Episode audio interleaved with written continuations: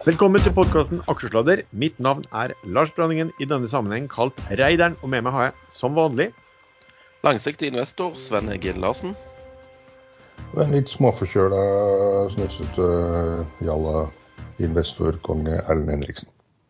Ja, og du sistnevnte, da um, Er du vel ikke så tett i hodet da at du ikke klarer å huske disclaimeren vår? Ikke hør på oss og ikke gjør som vi sier. Strengt tatt. Eh, Vi ringer råd dersom du hører på hva vi sier her om markedet, aksjer, enkeltaksjer og livet for øvrig, er ansvaret helt og holdent ditt eget. Det kan forekomme feil det vi sier i programmet. Panelet og panelets gjester kan være langt, kort, direkte eller indirekte eksponert i aksjer, selskaper og produkter som omtales i programmet, og vi gir ingen anbefalinger. Um, ja, skal vi starte med det vi bruker å starte med? Hva man har gjort i denne uken som gikk. Sven?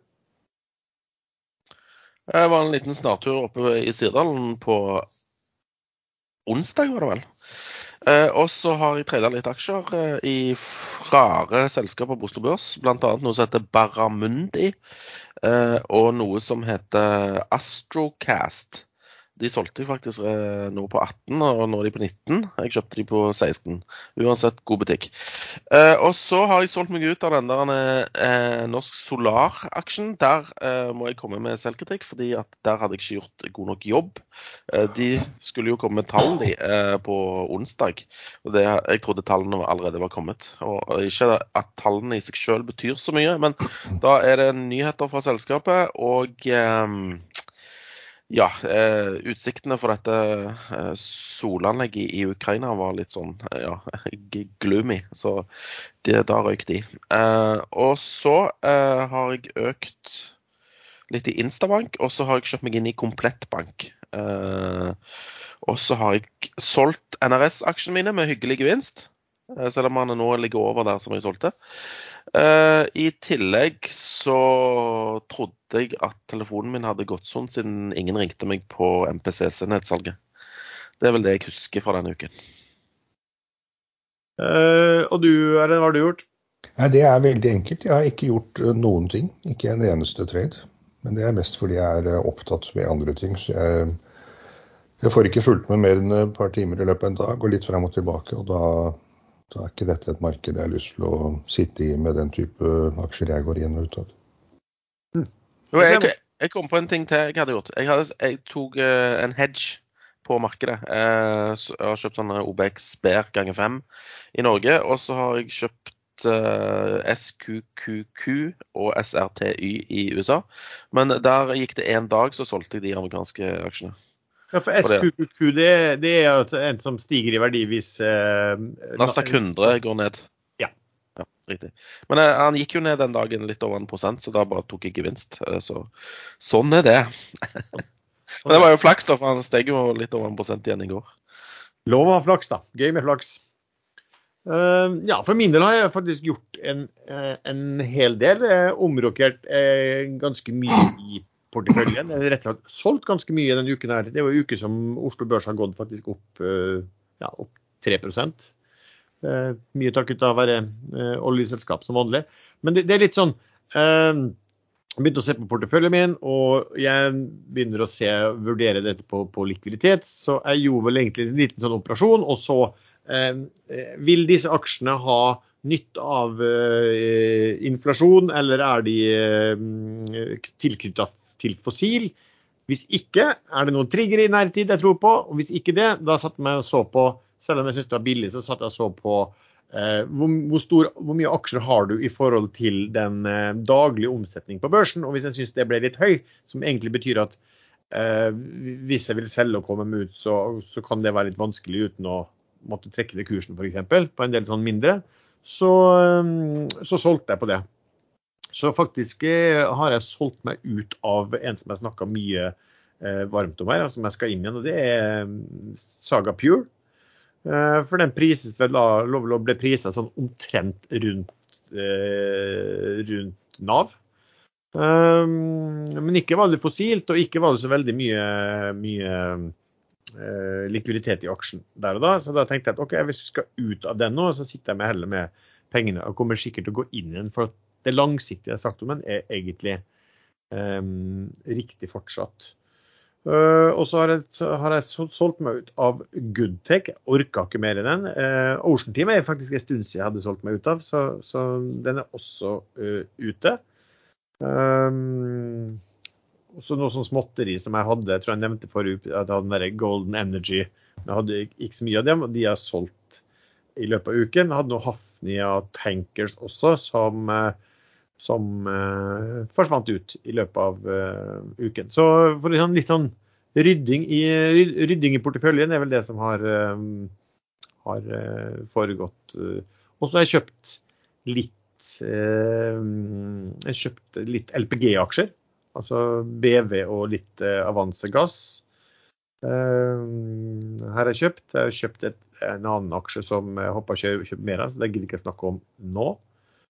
Uh, ja, det er vel stort sett det jeg har kjøpt. Jeg har økt litt i Kister, og det har ikke vært så smart i dag, for i dag faller den ganske, uh, ganske kraftig.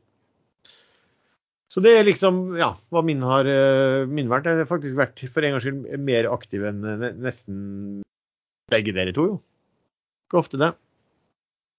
Men Sven Men, ja. Lars, du, skulle, du sa du solgt God, Goodtech, du gidder ikke mer. Hvis du søker tilbake på gidder, eh, så tror jeg i, høst en gang så skrev jeg at jeg skjønner ikke at dere gidder å sitte i, i, God. Det, der, det skjer jo ingenting, det går jo bare ned hver gang alt opp. Så da kunne du spart deg for masse frustrasjon og brukt pengene andre steder og tjent masse penger. det var ikke en sånn kjempestor uh, post akkurat da, men det, det, det, er jo helt riktig. Det har ikke skjedd noe der. Av og til så blir det sånn du, du blir bare litt lei. Og så og så passer han jo ikke til det som jeg har sagt, at nå, nå har jeg heller lyst til å være i eh, litt mer likvide eh, papirer. Eh, og det er jo fordi at det jo ikke er sånn veldig Jeg syns jo ikke det som tårner opp makromessig og konfliktmessig er på mange måter noe som eh, er noe veldig bra. Du var redd fordi at de har sånn business på Gotland? Bare innrøm det. Nei, eh, hadde det vært det, så tror jeg jeg hadde kjøpt mer. fordi at den bistelisten på Gotland, det, det, er jo det som er, det er jo et jævla tapsluk for, for Goodtech. Så, så, hvis russerne hadde kommet og tatt den, så hadde det jo bare vært jo skrevet opp verdien på selskapet med en gang. Ah, OK. Men jeg, eh, jeg, har en regel for, for uh, sånn uh, tikkere, vet du. Hvis du tar, uh, skriver tikkeren GOD på et ark, og så går foran et speil, så ser du at det står dog. Ikke sant? Så da holder du deg unna. Ja. Men du må huske på at det var, har jo vært en periode hvor den var uh, som litt, litt, grønt, og som dobla ja. seg også. også egentlig, liksom... Ja, bra dette. Men eh, egentlig kan du kun kjøpe den på fredagen, og det i kombinasjon med Helgeland Sparebank. Og hvorfor det? God helg. God helg. ja. Dog-helg. Egentlig skal du selge den på fredagen, tror jeg. Da blir det god helg. Ja, men den, eh, det er bare litt sånn at den, ikke var den så stor, ikke var den noe eh, lønnsomt og ikke var det noe likviditet i den aksjen. Og, Nei, men Er det ikke herlig å bare beise aksjer, da? Bare snakke dritt om de? Drittaksjene. det er jo ganske deilig å rydde opp av til porteføljen. Ja, ja, det er sunt. Faktisk det, ja, ikke sant? Du bare går gjennom og ser hvor, hvor, prøver å gjøre den, den, biten. Hvorfor eier du det, og ville du kjøpt det i dag? Eh, egentlig, hvis du, hvis du sier at du ikke ville kjøpt det i dag, så er det jo egentlig selg. I hvert fall. Sant? Hvis du ikke eier veldig mye av det fra før. En annen regel er vil du, skal du selge en aksje du egentlig har lyst til å kjøpe? Det svaret er da som regel nei. Ja, det blir jo samme sak, det. Jo, en, jeg, en jeg ikke nevnte, som har vært fantastisk hyggelig, det er en som jeg snakka ganske varmt om forrige episode, som Viking Supply Ships. Eh, for den har jo nesten gått 50% den på eh, den uken som har vært nå. Der har jeg solgt eh, ja, ca. halvparten av aksjene mine. har jeg solgt det. Den har jo gått fra, fra jeg tror det var noen og 60 når vi snakka om den, og var oppe i 98 tror jeg en av dagene. Og var innom 95 i dag og har falt litt tilbake igjen nå. Er den blitt den likvid? Det var en av den, de aksjene jeg skulle ha tredd denne uken. der. Den kjøpte jeg på 59 et eller annet, og solgte på 57 kjøpte jeg vel, og solgte på 63. Og da er det ikke noe moro å si at den går 50% etterpå. Men, men jeg, jeg sikter på den aksjen når du nevnte den første gangen, og det er sånn fire aksjer uh, per dag liksom, som ble omsatt. Ja, men den er gjerne blitt litt mer likvid nå, da? Ja, den, den har jo det, da. Og men skal du huske på at i den aksjen her, så er det, jeg tror det er sånn at eh, det er 90% av aksjene sitter fast omtrent. Så det er 10% fri flyt. Eh, så det skal ikke så mye til å bevege den, da. Eh, men det er jo helt riktig, den har jo vært drittkjedelig. Men, men det er jo i og for seg, kan jo være fint også, hvis du kan få plukke dem opp på, en, eh, på et billig. Og jeg syns jo etter denne nyheten om at Ja, Jeg hadde jo eid den før også, men etter den nyheten om at at Sveås, som jo er storeieren av Viking Superat, han kjøpte seg inn i CM Offshore, og at de bekreftet at, at de hadde tidligere snakket eventuelt om å slå seg sammen. Så, så syns jeg det var en veldig no-brainer å kjøpe den på, da på litt over 50. Ikke Men det er godt du sa fra. 70. jeg sa det, da. Kanskje jeg husker. Men jeg tror ikke jeg sa, jeg tror ikke jeg sa no-brainer, for det tror ikke jeg sier i det programmet her, for å si det sånn. Da blir det bare klaging. Ja, ja. Jeg ble klaging uansett, jeg si eh, deg. Det med lav fri flyt kan jo slå litt begge veier. Her om et par dager siden var det vel, så gikk jo kursen opp til da 98, og så ble den dumpa ned til 70-tallet, var det vel. Så det er jo lett å pumpe sånne aksjer for de som eh, bruker litt penger på det. Og da blir det voldsomt kursfall når det dumpes. Ja da, det, det er helt riktig. Den gikk det, den ene dagen der så gikk den jo opp eh, Starta vel dagen på eh, nærmere 80, gikk til 96 og falt tilbake igjen til 78 igjen. Nå har den jo klatra opp igjen til 88 nå. Så, så ja, men det, der var vel litt case at, at det var en fundamental tanke bak det, og at eh, eh, jeg tror, tror at den måtte, måtte bli reprisa eh, i forhold til de andre supply-selskapene også. OK. Eh, Sven, hva er det nå som har skjedd da i uken som var av uh, type emisjoner eller nedsalg eh, og, slok, og slikt? Uh, ja, det har vært uh, litt aktivitet. Eh, det er en stund siden sist. Fordi markedet har vært litt i ulage. Men nå setter de faktisk contemplated eh, placings på mandager òg, og det er litt uvanlig. Det her Integrated Wind Systems uh, de skulle bygge en ny båt og hadde vel fått en kontrakt òg på Dog Dogger Bank. Eh, så de trengte penger. Uh, Henta penger på fast kurs, 32 spenn. Aksjen er nå i 35, så det var visst uh, gjevt å være med på den, noe jeg eh, sjøl ikke var. Og så eh, kom Nell med De skulle hente 1,5 milliard kroner. Kursen ble 15,3, var det det, Lars? Ja, stemmer. Eh, og nå er kursen Jeg følger ikke Nell, jeg. Jeg hater egentlig Nell. Skal vi se.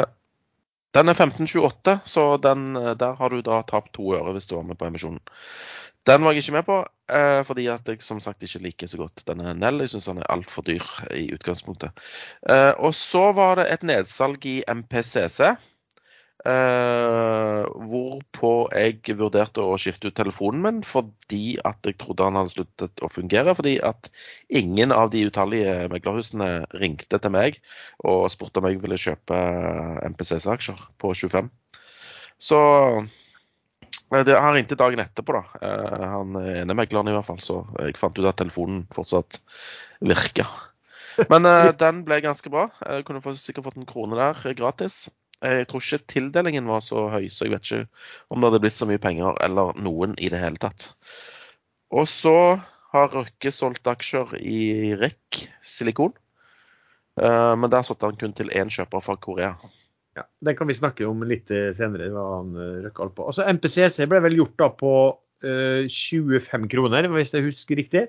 Det var 25 kroner, men det var X utbytte, da.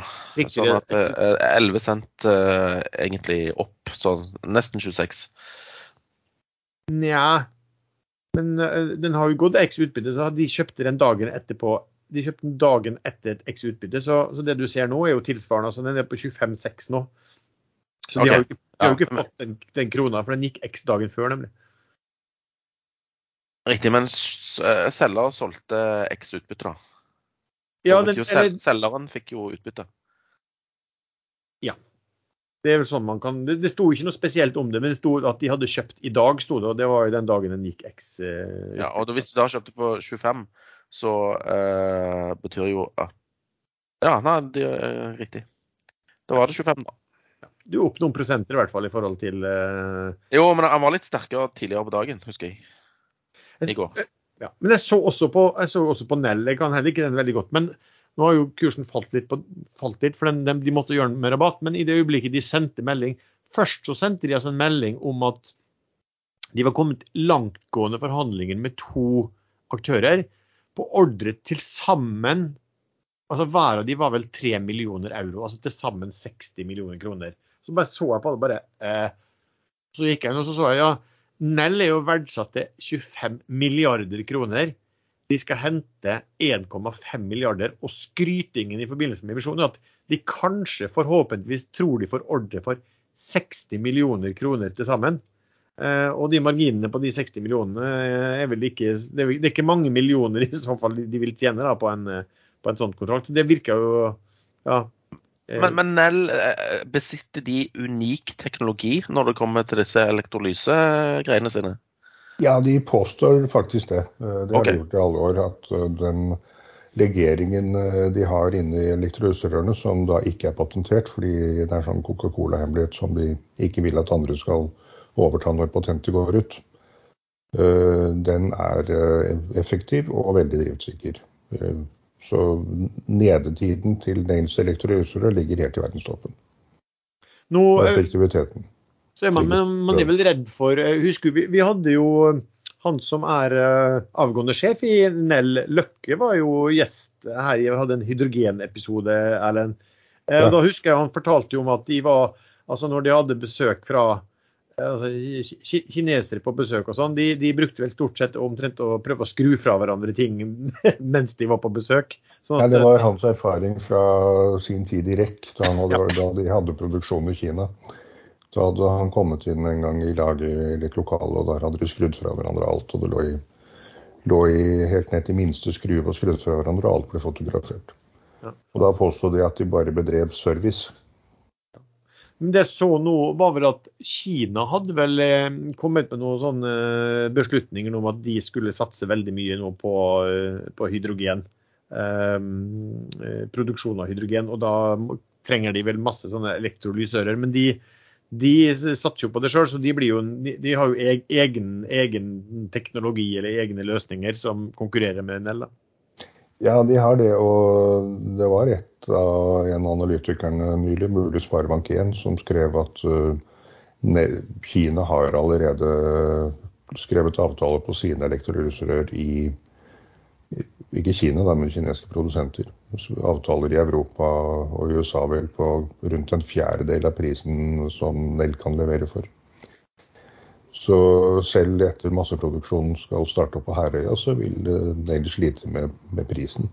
Mm. Men eh, så kan du si at i det siste, da, det, det som har skjedd med Ukraina og sånn, gjør jo bare at interessen for hydrogen har økt ganske mye også. Jeg så vel eh, at EU skulle ikke de nå inngå noen avtale med så, eh, ja, de, de, prøver i hvert fall å inngå avtale på leveranser av hydrogen. Ja, det stemmer. Og det, man skal nok også ha i bakhodet at ø, interessen for å binde seg opp til leveranser fra Kina er nok ganske dalende i Vesten. At man heller velger å kjøpe Made in Europe og Made in America der hvor det går, selv om prisen er høyere. Ja.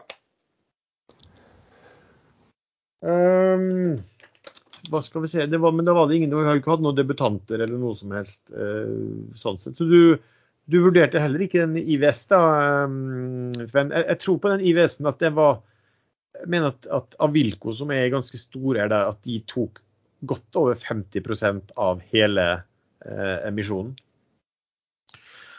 Nei, jeg vurderte ikke å bli med i det hele tatt. Eh, mest pga. at uh, de gjorde den på en mandag, som er da utenfor uh, reglementet. Ja, jeg skal si at de henta jo ja, de 350 millioner og, og ja, og Avilko, jeg husker ikke hvor jeg tror ja, men Contemplated skal ikke bli gjort på mandager og fredager, trodde jeg regelen var. Ja. Tyder jo på at de har god selvtillit da, når de gjør det. Ja, på, ja det, det, det, var jo fastpris, så de hadde vel eh, nok eh, takere til aksjene. Ja, ikke sant. Men apropos eh, sånne rare ting. Eh, Oi, nå, nå handla jeg et eller annet. Yes. Eh, Argeo eh, de, de, sendte litt en rar melding i går. Eller det var ikke rar melding. Men først klokken 13.05, tror jeg det var, så sender de melding at nå har de kjøpt et nytt sånn undervannsfartøy fra Kongsberg-gruppen. Og så, hvis du leser hele meldingen, så står det at uh, de forventer at den skal rett ut i jobb. Uh, details will follow, liksom. Så da fem minutter senere så skriver de at de har fått en kontrakt med denne, dette fartøyet. Hvorfor ikke putte alt i samme melding? Nei, Det visste de ikke da du skrev den første. Så de fikk, altså, Og så ringte de med, ja, og rett ja. etterpå og sa ja, dere har fått kontrakt. Eller at det kom en telefaks. Ja, og da hadde de allerede meldingen ferdigskrevet, så da pumpa de ut den. Ah. Men jeg, jeg, jeg tjente greit med penger eh, på å kjøpe på den andre meldingen, for jeg hadde ikke sett den første. Nei. Det har vel også vært da, en del sånn spekulasjoner på den, da, at de er vel en uh, favoritt blant en del til å komme med en uh, melding om 'contemplated' en eller annen ettermiddag med det aller første. om at, at ja, Men det ble, det ble, ikke i dag, for i dag er det fredag. Ja, hvis de ikke begynner å ødelegge dine regler, da. Men fredag gjør de ikke det. Nei, da skal folk på fjellet. Da skal folk uh... Kommentar til Nell. Det er mulig dere snakket om det, men jeg ble litt opptatt og prøvde å forstå en Nordic Mining-melding. Mining uh, nevnte dere at de da meldte to kontrakter på til sammen 30 millioner kroner før de hentet inn 1,5 milliarder kroner? Dag? På Nell, ja. ja. Ja, det gjorde vi. Det ble meldt uh, i, i, denne podkasten med en viss sarkasme i tonen. Ja, akkurat. Ja. ja. for det er jo også sånn veldig tilfeldig at man plutselig får to kontrakter uh, akkurat den dagen man melder emisjon. Nei, de, de, fikk ikke kontrakten engang. De, de hadde, var kommet langt i forhandlingene om kontrakten. Ja, men uh, det er nå engang sånn i reglementer og lover og regler at man skal melde når man får ting, ikke når det passer å melde det. Det er riktig. Men eh, det innspillet ditt nå er jo, for, for lytterne så kan det illustrere litt at vi, vi, sitter jo alle tre og følger med i markedet, og, og kanskje trader vi litt og gjør litt ting mens vi spiller det inn. Som jo av og til gjør at vi ikke helt får med oss hva andre har sagt. Så av og til, så, av og til så kan det være at en av oss sier feil, og så blir jeg spurt på hvorfor, hvorfor eh, vi andre ikke liksom, eh, reagerte på det. Men da har vi hatt hodet litt, litt andre steder underveis også. Sånn som Sven som ikke fikk med seg at du hadde varslet at man burde kjøpe rørleggerbedriften VSS AB. Ja. Du fikk jo det med deg, men du solgte jo eh, med tap? jeg solgte med gevinst, men det var ikke å tjene 10% når man kunne ha tjent 50% Det er aldri noe morsomt, det. Shit happens. Um, men skal jeg ta den Nordic Mining-saken nå? For det er en aktuell melding. Ta den nå, du. I dag tidlig så meldte Keliber, som Nordic Mining eier 12% av, at de eh, øker uh, uh, net present value på litiumgruven sin der borte med 220% var det vel. Og da er Nordic Minings eierandel på 12% verdt mer enn dagens market cap. Men nå er det alltid sånn i gruvedrift at det er, ting tar tid, og det kommer uforutsette kostnader og ting kan skje. Men akkurat når det gjelder litium, så kan jo kan det jo komme uforutsette inntekter ved at litiumprisen fortsetter å øke. Eh, så det var en god melding, og kursen spratt opp. Eh, akkurat nå er den 16% opp, den var ganske mye mer. Den var helt oppe i 4,47, og nå er den på 4,16. Men så kom det en melding nå, i dag, som viser til at DFS på gruveprosjektet i Engebø bekrefter verdiene. Og solid prosjekt og nedbetalingstid på fire-fem år, det er veldig, veldig lite i gruvesammenheng. Eh, men det står også at de skal ha en, da, en eh, webpresentasjon klokka 09.00 CET, og det er jo Central European Time. Så det er litt merkelig å melde ved tolvtiden at de skal ha en webpresentasjon klokka ni samme morgen. Eh, men at Nordic Mining er et solid prosjekt, både ved eierinteressen i Keliber og sitt eget prosjekt, det finnes det ikke tvil om i mitt hode. Alt ser ut til å stemme. Så de mangler bare at Vestre i Næringsdepartementet skal avvise en klagesak på noen miljøspørsmål, ikke på selve produksjonstillatelsen, men på en noen deler av den. Så enten blir det avvist totalt, eller så blir det noen småting som Nordic Mining må gjøre. Jeg har den ikke selv akkurat nå. Det var litt dumt at ikke jeg tok den på pluss-minus 350 nå før den siste meldingen kom. Uh, Men nå ligger den på 4,18, og det er fremdeles eh, en hyggelig kurs i forhold til potensialet på oppsiden, tror jeg. Nå venter jeg litt til, for nå håper jeg det blir litt stille, og så faller den under 4 igjen. Kanskje. Eller kanskje ikke. Um, Ikke sant. La oss gå litt videre på et tema som har vært eh, mye diskutert eh, både på sosiale medier og skrevet masse om i løpet av uken. Altså Aker, Aker Horizons, eh, røkkeselskapet, de har gjort to store transaksjoner eh, denne uken. Sven, hva, hva har de gjort? Hva har du gjort, Veronica, med deg selv? Nei, eh, jeg vet bare at de har solgt uh, REC-aksjer til, uh, til koreansk selskap som heter Hanwa. Hva, for en annen transaksjon er det de har gjort? Eh, de har jo gjort en mainstream-transaksjon, men vi tar, tar REC først. Ja, ja, ja, det var Japan, det. ja. Stemmer det.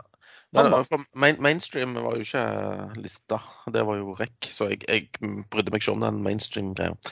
Uh, jo, eh, de, de solgte eh, resten av aksjene sine i REC Silikon uh, til samme kjøper som uh, kjøpte sist, på 20 kroner. Og jammen så fikk ikke Røkke 20 kroner denne gangen også. Så, og alle andre fikk ikke 20 kroner. Fordi at nå sitter disse Hanwa med rett under en tredjedel av aksjene og slipper da å by på resten på 20 kroner. Så nå er aksjen på 15, og alle som da eide aksjer og trodde på 20, de sitter nå og, og, og gråter seg inn i helgen. Jo, men det er ikke umulig at man burde gjøre, for dette er jo Funcom en gang til. Eh, Da Tencent eh, kjøpte majoriteten der, og alle skjønte hvilken vei det gikk, så nå har vel eh, disse sørkoreanerne akkurat én eller to aksjer under en tredjedel, så de trenger ikke å legge en bud, men de kan vente et halvt år og gjøre ingenting. Og legge en bud på laveste kursen kjøpe, kjøpte, eller så kan de vente et halvt år og vente kursen er ti kroner, og kjøpe en aksje på ti kroner og legge en bud på resten til ti kroner. Så det, det er ikke nødvendigvis positivt at sånne store aktører går inn og skaffer seg en sånn kontroll, for eh, de har bukta begge ender. Ja, men ikke helt da på, på, på, på en tredjedel. Og, og, Ikke helt. Og faren bare, bare det, for i- USA så går det jo absolutt mot at det kommer eh, diverse støtteordninger, sånn at det plutselig kommer en melding om gjenåpning av Moses Lake-fabrikken. Eh, Men dette er en veldig stor aktør i Sør-Korea, så at de har lyst til å betale mer enn de må for resten av aksjene hvis de tar selskapet, velger å ta selskapet av børs, det tviler jeg på. men, men, Jeg kan love deg at eh, koreanerne ikke kommer til å betale mer enn de må. For det det er ikke første gang at Røkke har solgt til eh, Korea. Hvis dere husker Aker Yards, ja. eh, skjedde det samme der. Så har de solgt det til et koreansk selskap som heter STX. Og Aker Yards ble hetende STX Europe. Og noen år etterpå så gikk de dundrende konkurs. Men, de solgte, men der ble hele selskapet solgt, ikke sant? Hele Yarden ble jo da solgt til disse koreanerne. Ja, ja. Og så venta de veldig lenge med å tvangsinnløse. For jeg satt nemlig og spekulerte i at de måtte betale det samme som, eh, som de hadde betalt til eh, for resten av aksjene. Altså de første 90 Ja. Men de hadde venta over seks måneder, så da kan du egentlig bare sette en pris sjøl. Og de satte jo prisen mye lavere enn det de hadde kjøpt for sist gang. Så da ble det litt krangling, og så var det meg og en annen investor da, som eh, brukte et advokatfirma for å få skvisa opp prisen litt. Og det klarte du, eller? Det, det ble ikke så bra som øh, forhåpningene, men øh, det ble litt bedre enn det de kom med først. Fordi at når eh, jeg ser her at den dagen da eh, Eller dagen den kom på morgenen, den meldingen her, da sto altså kursen i 1640. Så kursen står i 1640. Eh, Aker Horizon melder at de har solgt ut alle aksjene sine til 20, og nå står kursen i 1509. Så det er klart det er jo mange som klør seg i hodet da, på hva som har skjedd. For det var jo veldig mange nå som trodde at dette her tyder på at ting holdt på å åpne seg, og at eh, og at her skulle kursen opp, eh, på, både på 20 og mer enn det. Men det sa man også sist gang Aker solgte halvparten av sine til kineserne på 20. Da var det også sånn at den kursen skulle langt over 20, men den falt jo også ned da mot en eh, helt ned på, ja, ned på 14-tallet en eller annen gang også. Så, så det er ikke så lett å vite der, da. Men de som eventuelt sitter og klør seg i, i, i hodet nå, de tror jeg får flis i fingeren. Ja, men hva, hva syns du det var helt åpenbart når den meldingen kom at her var det bare å selge? Du skal alltid selge når Røkke selger. Ja, det er sant. Det er jo en regel, da. Det er regel. Uh, hva tror du Altså, så vet ikke om noen av dere så intervju med han um, Ultveit Mo, Jens Ultveit Mo, for det var jo han som eide disse eh, aksjene som Aker kjøpte. Og de kjøpte de aksjene på 1,2, var det noe sånt? De kjøpte den for for en, ikke så veldig mange år siden nå. Eh, Hvis, det ikke var 1,12. Det var i hvert fall sinnssykt lavt. ja, og hvordan han, må, han måtte jo selge. Han Han hadde ble- jo ikke penger. Ja, Han ble tvunget til å selge. Men det må jo være ekstremt bittert da, å se at, um, at selskapet selv altså Moses Lake er ennå ikke besluttet åpnet, og de får altså eh, 20 kroner per aksje. Det, det var, eh, Jeg husker ikke nøyaktig tallet, men det enten var det 1,125 eller 1,355. Eh, Så han la på et halvt øre. Og da ble det, skrev vi på Ekstrainvestor at det var sikkert bare for å irritere Ultveit Mo. Den halvøren. Men det var jo sånn den gangen husker jeg at, at uh, Ultveit Mo måtte jo da selge, og de aksjene ble meldt på børs at de skulle selges. Det ble jo, en, eh, det ble jo et nedsalg over børs. uh, og da kasta Aker seg inn eh, sånn i siste liten og visstnok ganske sånn opportunistisk.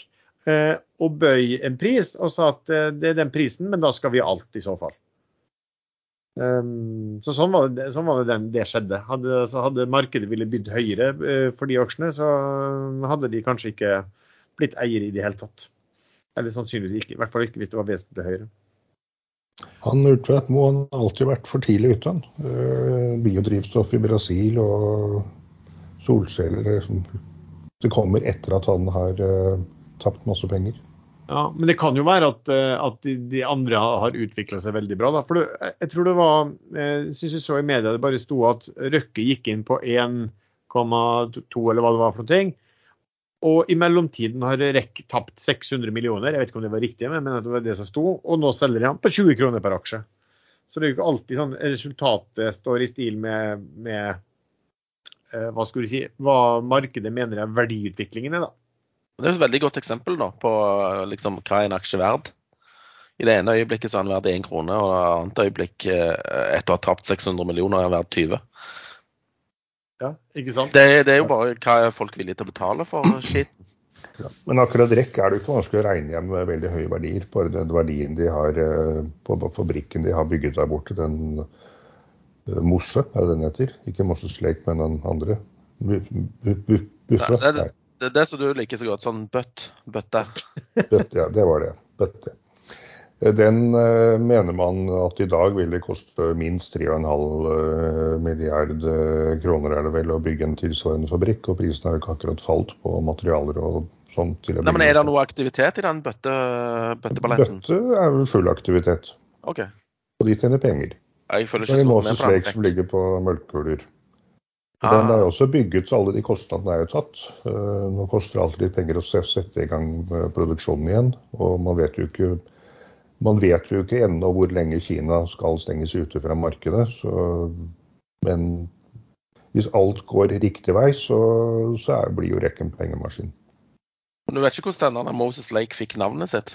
Eller sånn, sånn Deler liksom vannet seg av og til i to i, i den dammen der? Eller hvordan virker det? Du mener at det var der han gikk rundt med stentavlene sine? Nei, det var jo i, i, nede i eh, det Rødehavet, eller hvor det var henne. Eh, Dette Var det var ikke? Var det ikke? Tror- Var ikke han som oppdaga Amerika, da? Nei, det var, det var Christopher Columbus. OK, da, ja, da blanda jeg litt sammen. Sikkert skjegg, begge to. Eller han der eh, vikingen. Ja. Nei, det var noen ukrainske munker før han visstnok òg. Så det er eh, vi kan Men det var en digresjon, eh, tror jeg. Uh, ja. Ja, Rekk, uh, uansett hva som skjer i USA nå, så er det ikke sikkert at uh, dagens aksjonærer får noe glede av det på noen som helst måte. Det er det som er litt trist nå.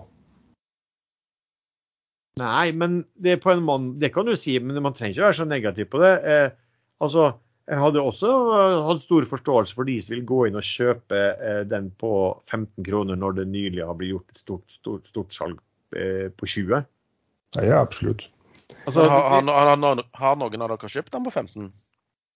Nei, Jeg satt faktisk Nei. og vurderte det i går, men da, da, da blir det nok heller mer For å være ærlig, å kjøpe den på 15 og så legge den, i, legge den liksom i, på kistebunnen og håpe at eh, det går bra og, og at disse koreanerne vil være snille, eh, nei, da blir det vel heller fordi at du, du, du, du tror kanskje markedet Mer sånn trading, da, i så fall. Har, har du noen gang sett en snill koreaner?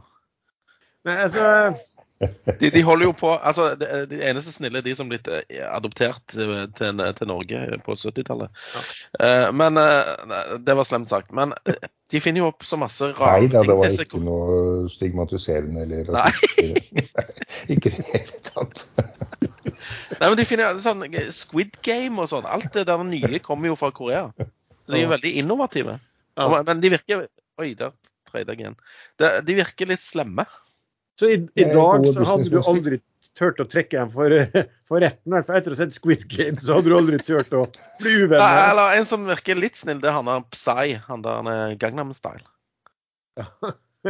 Men så har du naboen oppe i nord, da. De er jo enda verre.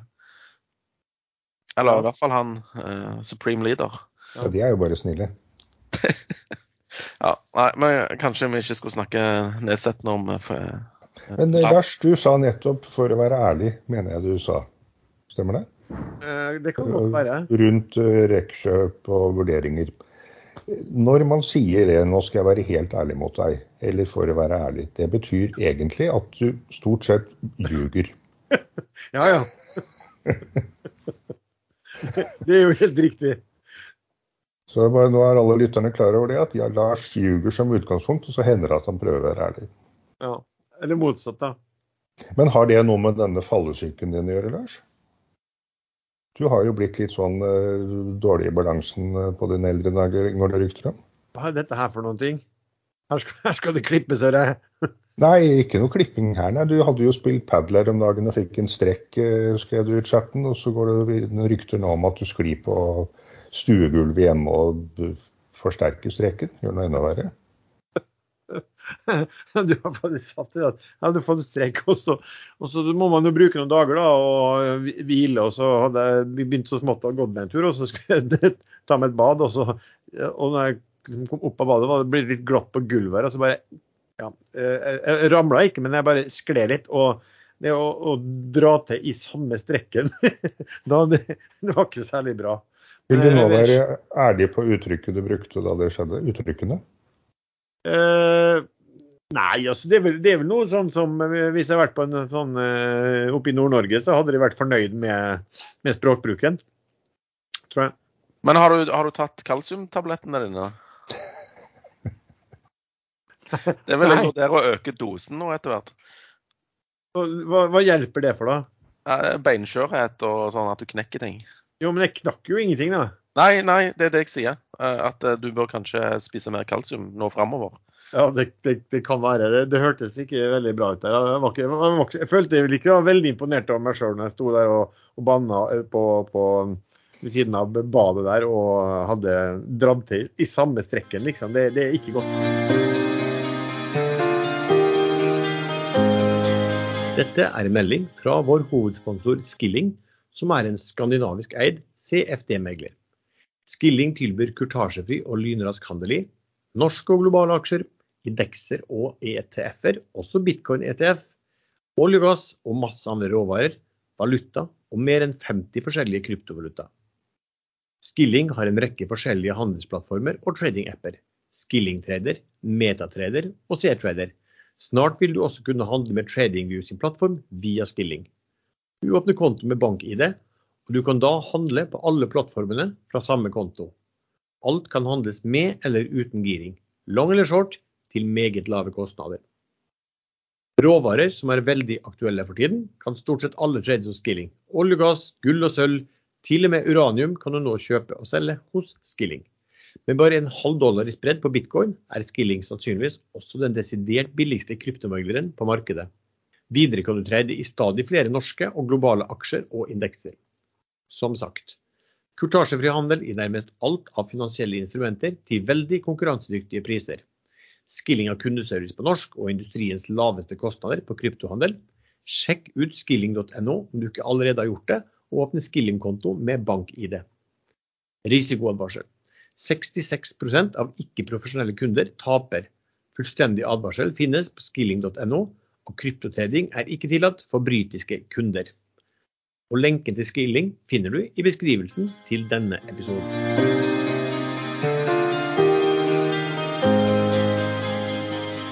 Ja, ok. Videre da fra, fra at Røkka har da fått koreanere nok en gang til å kjøpe aksjer av seg til en høy pris, så har jo de også gjort en større transaksjon i det som et selskap som um, utgjør egentlig store deler av verdien til Orchard Horizon, som heter Mainstream.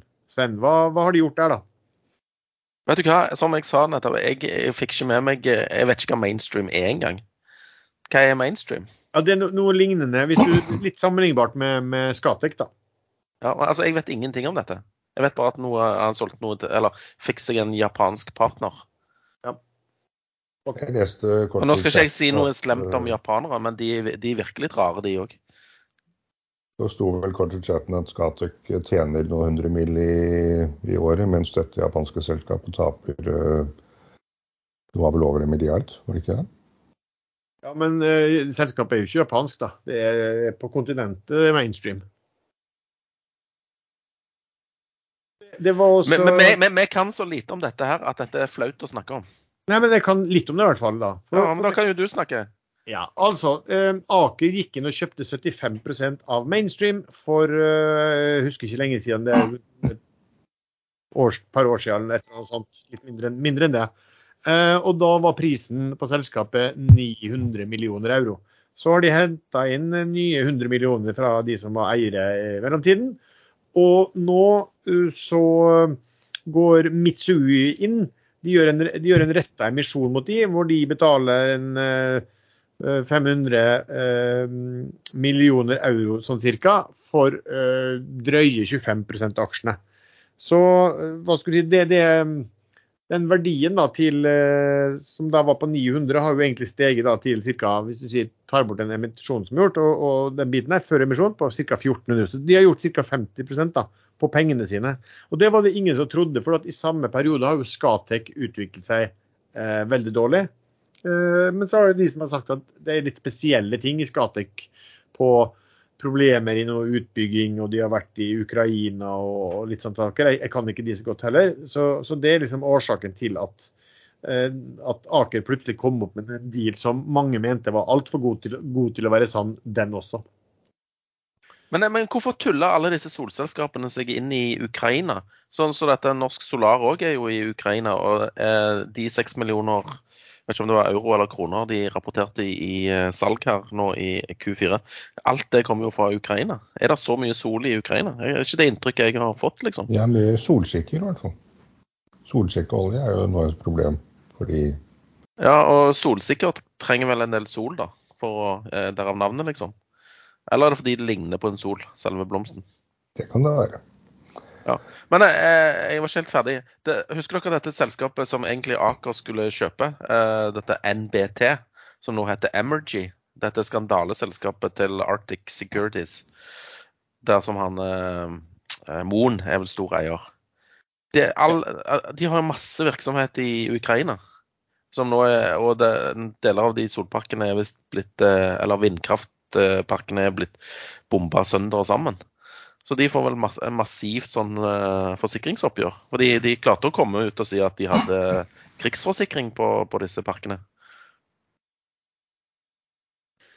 Ja, nei, jeg vet ikke hvor det. Altså, det var noen som mente, jeg vet ikke om det er riktig, at, at uh, det er Mitsui da, som går inn, at de har gjort noe deal med Aker før også. Det var en som mente at de hadde, hadde gjort, uh, vært og kjøpt noen ting av dere, Aker hva heter det, offshore et eller annet solutions eller et eller annet sånt i, for en del år siden, og, og, betalt, og betalt, masse overpris der også. Men jeg, jeg vet ikke om det, er, om, om, dette, om det, er noen andre i så fall. da. Men han, han ser ut som å være en frapperende evne av Aker-systemet til å gjøre til å selge noen vil si selge dyrt til, eh, til, asiater, som har kanskje veldig mye penger. Men uh, Ja, Har dere sett den filmen 'Crazy Rich Asians'? Den har jeg sett. Den var ganske morsom. Så han, han, blir en sånn liten korearaner, da, eh, den unge Røkke. Og, så er du redd, Sven, og du også, Ellen, for at korea, koreanerne blir korearanere mot minoritetsaksjonærene? er det så? Men er Korea-raner, det har jeg aldri hørt før. Er det noe du har funnet på, eller er det et stigmatiserende ord som er ofte brukt Han ble om nok, koreanere? eh, han ble nok eh, påvirket av deg, Sven. Det ble nok det nå. Jeg er ganske slem. Men jeg, når det er sagt, så er jo Røkke veldig flink til å kjøpe billig òg, da.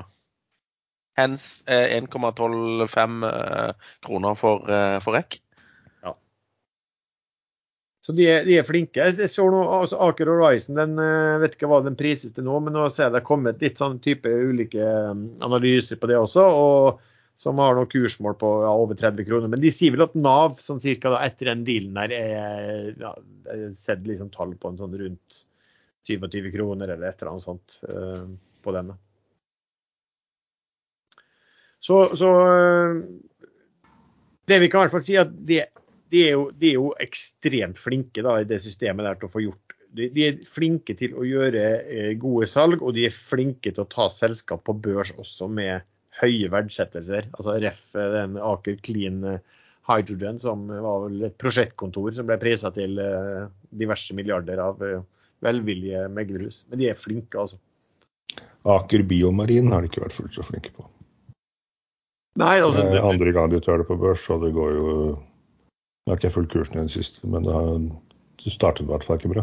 nei, det har vært elendig nå. Det har jo vært elendig denne her gangen også, så det ville være litt kjedelig hvis du for andre gang tar et selskap, samme selskap på børs, og at du for andre gang må, må ta det av igjen. Men det blir vel ikke så, så ille. Men ingen, ingen treffer jo på alt. da, Det er jo en grunn til at de holder på med litt ulike ja.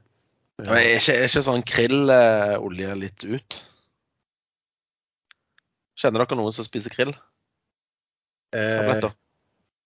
Nei, eh, gjør jo egentlig ikke det.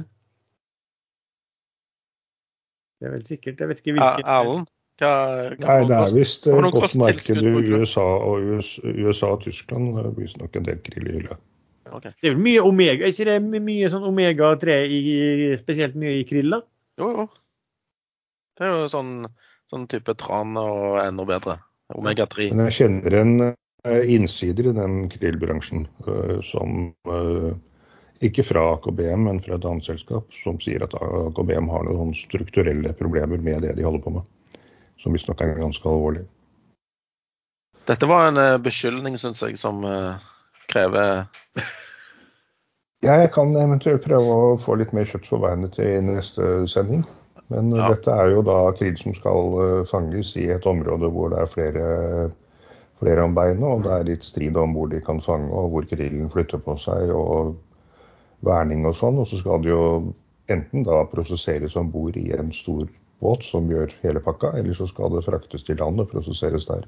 Så det er et eller annet sted på, i den kjeden som Aker Biomarin eh, har valgt en løsning som ikke er så lett å gjennomføre uten problemer. Videre fra Røkke så går vi over til eh, Moskva-børsen. Eh, den har jo da jeg vet ikke, den, har vært stengt nesten en måneds tid, og, og disse aksjene i, i Europa de har eh, de som har handla en liten periode, i hvert fall, på sånn depo- depo- depotbevis i London, de kollapsa helt. Men eh, Sven, du var jo interessert i det. Hva, har skjedd med Moskva-børsen etter at den, de, de, de aksjene åpna? Nei, først åpna de for handel i statsobligasjoner. Eh, Og så så de at det gikk eh, noenlunde bra, og da åpna de for handel i de 30 største eh, Det var ikke 30 største russiske selskapene. Hvor utlendinger eier ca. 80 av, eh, av, eh, av aksjene. Men det, det fine er jo at eh, utlendingene får ikke selge, og russere får ikke shorte. Så det kan kun kjøpes og selges på vanlig måte. Sånn at du skulle jo tro at når disse depotbevisene i London faller 95 at det skulle falle en del i, i Moskva når det åpna, men den gang ei. Åpna vel i, var det i forgår. Og, og kursene steg da i rubler, men eh, falt da nominelt i utenlandsk, eh, litt i utenlandsk eh, valuta. Men allikevel veldig stabilt i forhold til det en kunne forvente. Nå var det vel sånn at det var vel snakk om at sentralbanken skulle inn i tilfelle å stabilisere. Og hvis du sørger for at de som eier eh, 80% av aksjene ikke, kan, ikke får lov å selge, og du har sentralbanken som kanskje går inn og kjøper altså Det hadde vært snakk om at det, det, er jo seks millioner retail-investorer i Russland. og Hadde den, de børskursene falt 70-80% så hadde de sikkert vært steingale. Um, så det er et spørsmål om at de kanskje gjør det for å hva skulle si, eh, Sentralbanken tar opp tapene til, eh, til private investorer. Eh, kan det være noe sånt at de sitter og kjøper, og så selger disse private investorene seg ut? Eller kanskje de har restriksjoner de også på, på hva de kan få selge? Eh, men det høres i hvert fall ut som det ville vært Hvis man selv var en russisk retail, så hadde man vel eh, solgt hvis man kunne på, på de nivåene her, skulle jeg tro. Det er søren, det, det er søren ikke sikkert, for det, det, det er jo begrensa hvor mye de får vite om dette, føler jeg. Altså, De får jo vite hvis de vil, da. Og, og så velger jeg vel å tro at hvis du er en retail-investor, i hvert fall hvis du, hvis du sjekker litt opp av selskapene du holder på med, så er du kanskje litt mer pålest på hva som skjer, enn hva akkurat en uh, regjeringsdominert media vil fortelle deg. Men kanskje ikke. Jo, du har helt sikkert rett. Uh, I råvaremarkedet så skjer det jo ting også. Uh, for der er det blitt slik at altså, volatiliteten, prisbevegelsene, er blitt så store at for å ta posisjoner der, så forlanger da meglerhusene eh, stadig større innbetalinger, såkalte margin calls. Har du lest litt hva, hva, hva, hva aktørene tenker om det, Sven? Nei, men jeg leste at eh, LME, altså London Metal Exchange, fortsatt sliter med å ha handelen åpen i, i nikkelmarkedet. Fordi der uh, stakk prisen opp igjen. Uh, og han der kinesiske taikunen, som de kalte han, han har måttet uh, dekke deler av den store shorten sin. Så det har jo ført til ny prisoppgang. Så det skjer veldig masse rart i, i, i råvaremarkedet. Og det er vel ikke margin call, det er vel collateral egentlig du snakker om. Stille sikkerhet. Ytterligere sikkerhet. Altså margin call, da må du faktisk da må du gjøre noe. Uh, og collateral, da må du stille mer sikkerhet. Uh, så ja, det henger jo sammen, da. Men OK. Nei, jeg vet ikke noe mer, uh, mer enn det. Nei, fordi det var vel en sånn undersøkelse de gjort og viste seg at ja, av 14 av 16 råvarer, så var liksom likviditeten, da, antall handler i disse, var dramatisk falt i løpet av de I forhold til snittet de 30 foregående dagene. og det var jo fordi at du må inn med mer, da, la oss kalle det sikkerhet. da. Eh, og når man ikke hadde de pengene, eller ville stille opp med de pengene, så lot man være å handle. og Det gjorde at antall aktører som trada i råvaremarkedet ble, ble, mye mindre. Og da blir, kurs, kursbevegelsen også større. Ja. Eh, ble... Hvis du ser på sånn, Der kom jo nyhet fra, om kornmarkedet, altså kornproduktmarkedet. Eh, der et analysebyrå anslo at ca. 50-55% av eksporten fra eh, Ukraina kommer til å bli Eller ikke eksporten, men eh, dyrka korn kommer til å falle med ca. 50-55% i år. Og det vil vel ha litt betydning for verdensmarkedet?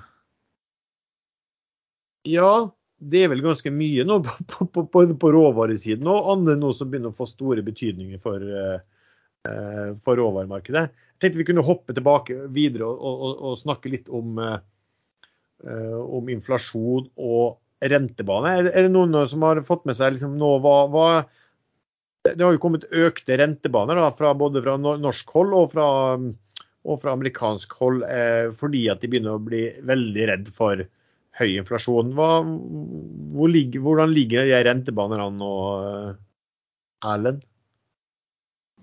Uh, meg du spør om rentebaner og sånt. Eller skal jeg spørre Sven? Nei, jeg, jeg, vet jo det at renten er på vei opp. Sånn detaljert følger jeg ikke så mye med på det. Men uh, det er vel ikke så lenge til vi har rundt 4% rente for huslån i Norge. Og da kommer jo alle som uh, har kjøpt seg sånne helt nødvendige ting som uh, hytter og altfor stor bolig og elsykler til hele familien og utepeis på hytta. Det er sånne ting man bare må ha uh, til å slite noe voldsomt. Men det er ikke noe problem, for da lager man bare en Facebook-gruppe. Vi som er imot høyere renter enn nullrenter.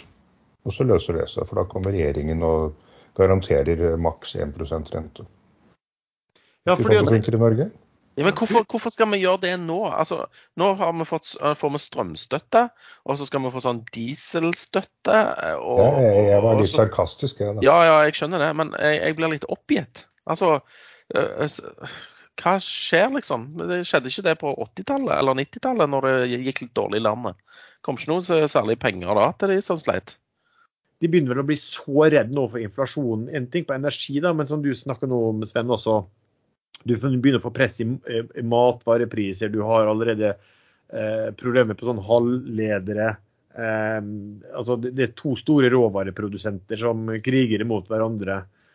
Er ikke det som at Hvor høyt skal vi da, egentlig? Hva, hva er det Fed har sagt i siste perioden? De har jo stadig uttalelser, de også. Fed har vel sagt at det kommer syv renteøkninger til i år, og at de ser for seg en styringsrente der borte på, som topper rundt to var det 2,5 eller var det 2,75? Norge var vel 2,5 innen utgangen av 2023. Ja, og Fed i 2,75, ja. Ikke sant? Ja, altså 2,75, da, da, får du boliglånsrente på I USA så er boliglånsrenten akkurat nå faktisk eh, over 4. Eh, sånn at eh, der ser du plutselig 6-7 i boliglånsrente. Da, det begynner sikkert å, å, å ja, og merkes. Og I Norge får du, eh, ligger vi vel an til en boligrente over 4 eh, om et år. Men hva er det som egentlig har skjedd med folks sans for privatøkonomi? Da jeg flyttet til Norge fra Tyskland i 1996, da lånte jeg penger på huset jeg kjøpte. Og hadde i bakhodet, for jeg hadde alltid lært, at man skal ta høyde for 5 renteoppgang fra der hvor man binder, der hvor man låner ut penger. Nå virker det som at folk har ikke tatt høyde for en halv prosent engang. Det er jo helt vilt. For min del er det litt sånn at vi, vi har hatt god, allerede hatt gode tider mens, øh, mens, vi burde hatt mye høyere renter. og det har vi ikke hatt. Så nå kommer rentene tilbake uten at de gode tidene blir bedre. De blir kanskje heller dårligere. Eh, så jeg ser ikke den komboen som, som veldig bra for, øh, for aksjemarkedet, altså. Det må si det. Det er klart at hvis du plutselig begynner å Altså hvis du kan gå og få risikofri rente på, eh, på 3 eh, Det er ikke sikkert. Det kan godt være at du syns det er finere enn å, enn å kjøpe teknologiaksjer til eh, P50, liksom. Jeg, har jo, jeg flytta jo dette boliglånet mitt fra, fra SR-Bank til Bulderbank i fjor, var det vel. Og så fikk jeg melding fra Bulderbank i går at nå setter de opp innskuddsrenten fra 0,75 til 1,25. Og jeg har vært, og? Nei, den er, eh, begynner vel å nærme seg to nå, da. Jeg tror det var 1,50 et eller annet sist, og nå blir det vel 1,75, tipper jeg. Ikke sant. Det er, liten, det er veldig lav eh, margin, da. Jeg sa i stad at man eh, måtte ta høyde for 5 renteøkning, så var det selvfølgelig 5 prosentpoeng jeg mente. Og det, da, det, var jo den gangen rundt en dobling av renten. Men fra 1,50 som du fikk til la oss si 5 da. Hvor mange prosent økning er det? Det er jo helt vilt for husstander som ikke har tatt høyde for noe særlig renteøkning i det hele tatt. Sånn Vi snakker om 200-300 renteøkning. Ja. Ja. Men jeg synes, eh, jeg vet jo du bruker å poste litt kommentarer fra Fed eh, i, i, i chatten på Ekstrainvestor. Jeg syns liksom de uttalelsene har blitt nesten litt mer paniske i det siste. Eh, hvor de også begynner å snakke om at nei, du kan se for deg økt inflasjon i vår. Eh, så det de er livredde for, er jo at eh, alt dette her, både når du ser på oljepriser og på råvarer, de vil altså slå gjennom på, på alt mulig annet. Og så medfører det plutselig at lønnsmottakerne ikke sant, som må betale mye mer for varene, de begynner å forlange høyere lønninger for å ikke komme ut som tapere. Og da, og da har du det gående. Da. Så ja, nei, jeg syns de virker mye mer urolig Veldig mye mer urolig enn hva jeg kan ha sett før. De burde egentlig hørt på oss før, for vi har egentlig snakka veldig mye om at de har, at de har eh, sannsynligvis bommet fælt på inflasjonen. Det er jo fornøyelig det også, å se hvor ikke vi, men hvor utrolig mange har snakket om det uten at eh, Fed har vært enige. Og Fed var de som har kommet ut som taperne her, i hvert fall. Jeg var enig med Fed, da. Det skal være nevnt. Jeg trodde det var transitorisk. Jeg var enig med Fed. Jeg trodde det gikk over ganske kjapt. At disse transport- og logistikkproblemene ville løse seg kjapt etter korona, men det gjorde det ikke. Så kom Russland krigen opp på toppen. Ja da, og det er jo, det, her har du skjedd ting da, som du ikke er så, er så, er så greit å si. Men, men, Eh, men ak aksjemarkedet tar dette med knusende ro fortsatt? Ja. Og det er jo litt bekymringsverdig, da, for at eh, hvis eh, hva skulle du si, den risiko for renten skal gå, eller hvis renta skal Selv fra lavt nivå, da, men hvis du tenker i prosentpoeng, så, så skal jo renta mye mer enn doble seg. Eh, så er jo det alt annet like negativt for, eh, for aksjemarkedet.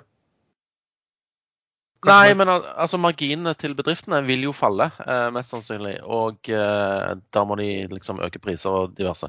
Men det er jo en forsinkelse her på når de rapporterer tall. Så skal vi vente helt til de begynner å rapportere dårligere inntjening? Men Ja. er du helt sikker på at marginene vil falle når prisene øker kraftig? Vi må se på byggvarehusene i Norge. De har jo tatt ut eh, ekstremmarginer. eh, Selv om prisene økte, så økte de ikke så i nærheten av det marginene de har økt med. Men, tenk hva, men jeg tenker mer, hva, hva skjer da når du må begynne å betale dobbelt så høy rente, dobbelt så mye da i rente på boliglånet ditt som du gjorde eh, bare et eh, drøyt eh, år før? Nei, Da må du jo få inntektene opp tilsvarende eller mer, ikke sant? For ellers så går du i minus. Eller du, må, er eller du må, må kjøpe mindre av andre ting. Kjøpe mindre. Ja, altså Du kan ikke dra på det. Du, du kanskje ikke bruker så mye penger på restaurant, du, ikke sant? Ja, jeg, jeg ser den. Men eh, nå har vi jo hatt korona, da, og så folk har jo spart opp masse penger her. Så de ikke vet hva de skal bruke på. Så jeg tror nok du har en liten forsinkelse der før det blir litt prekært. Ja. Men sånn som i USA, tenker jeg, der, der eh, når prisene stiger, og spesielt dette her med drivstoff og, og, og slike ting, eh, der, de merker det jo med en gang. Og da kjøper de mindre av andre ting. Sånn som du sier, da går de ikke ut og spiser hver dag.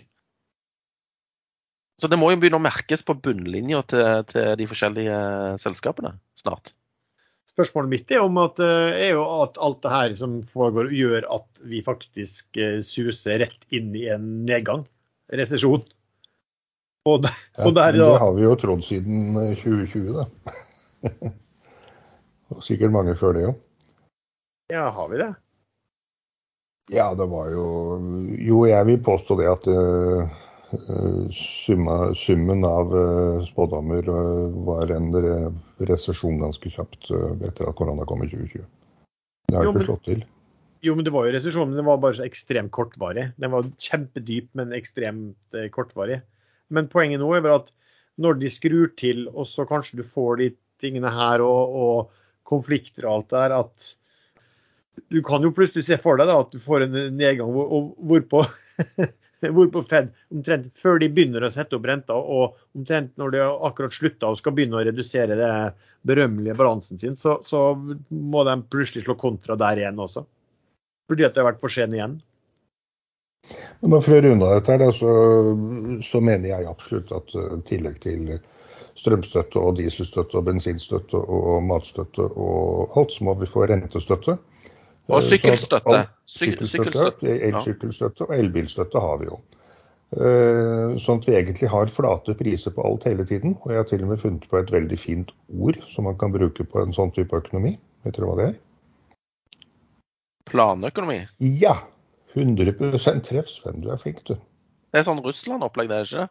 Jo jo, det funka veldig bra der borte. Kommer til å funke kjempefint her òg. Det her er et, eh, et, et ord eh, Evergrande har vi satt opp på planen vår og skulle snakke om. Sven, hva er det her for noen ting? Ja, eh, jeg så du skrev det i går kveld.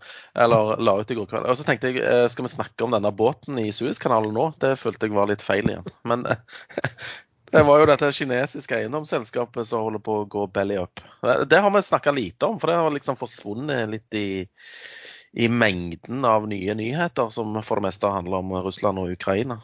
Ja, først så skulle jo eh, hele verdensøkonomien gå i dass pga. Uh, den konkursen som skulle komme med en gang. Men så ble jo det utsatt og skjøvet litt framover, og så ble det glemt. Og da skjer det sannsynligvis nesten ingenting, vel? Nei, de går sikkert konkurs, men uh, den kinesiske staten har vel funnet på et eller annet uh, nytt triks for å, å hindre at dette sprer seg til den uh, globale økonomien. Eller den regionale økonomien òg. De har jo sagt de skal hjelpe aksjemarkedet nesten koste hva det koste vil. Evergrande har jo da utsatt øh, resultatene sine. Er Ja, og aksjene, aksjene er suspendert inntil det resultatet foreligger. og det foreligger når? Ja, det vet jeg ikke. Men eh, jeg lurer på hva problemet er. Kanskje det mangler en null rundt forbi? Eller at de skal ha revisoren til å tillegge en null rundt forbi. Ja. Kanskje det er litt sånn tvil om verdien av ting og tang? Altså, de var jo pga. revisor de, de, de forklarte det, at de ikke klarte å komme opp med regnskap. fordi det var, det var kommet så mye nye ting at de hadde det var en eller annen forklaring med helt sånn uproporsjonalt antall nye problemstillinger og strukturer og systemer de måtte bruke på å vurdere og sånn. Eh, Det høres jo ikke helt trygt ut, da. Men eh, de er sikkert revis revisorer som er, veldig, som er redd for å bli lurt, tenker jeg. På, rett og slett på regnskapet der. Eh, Men, men utgjør det her da eh, Dette var jo en stor fare i kinesisk eiendom. Er, vi, er, vi liksom, er det ikke noe fare lenger? Er det bare, er det bare at vi har tatt blikket bort fra det pga. alt det som har skjedd da på, i Ukraina? Hva tror du, Sven? Jeg tror jo at eh, beløpene fortsatt er like store, eh, og at det får en virkning. Men jeg tror nå at myndighetene har fått så lang tid på å for, eh, forberede seg at det bare blir en liten krusning. Men jeg, jeg er usikker. Ok, eh, Kan vi hoppe på et litt annet tema? Det er jo nesten litt, eh, litt fornøyelig, for vi har jo snakket eh, kanskje uforholdsmessig mye da, om et bitte lite selskap, eh, en kryptoselskap som ble notert, eh, som klarte å bli notert på Oslo Børs eller på Euronext Growth til slutt, som heter Harmony Chain. Eh, og det, var jo, det som var fornøyelig der, var jo at de hadde kalt inn til eh, generalforsamling. Og selskapet foreslår nå å øke antall styremedlemmer fra fem til ti. Ti styremedlemmer. Eh, og da måtte jeg jo se, og de har fire ansatte. Så det, de foreslår nå at de skal ha to og en halv styremedlem per ansatt i selskapet. Eh, høres det ut som noen ting eh, du har lyst til å putte pengene i, Erlend? Nei, jeg holder meg til selskap som Send, som har Jeg har ikke sjekket hvor mange styremedlemmer de har, men det er ikke så mange. Og de hadde jo i Italia for et par år siden da vi sjekket, så hadde de over 100 ansatte på å produsere noen tønner olje og noen kubikkmeter gass. Så de, er, de kommer jo veldig godt ut da, i forhold til hydrogen. Harmony Chain.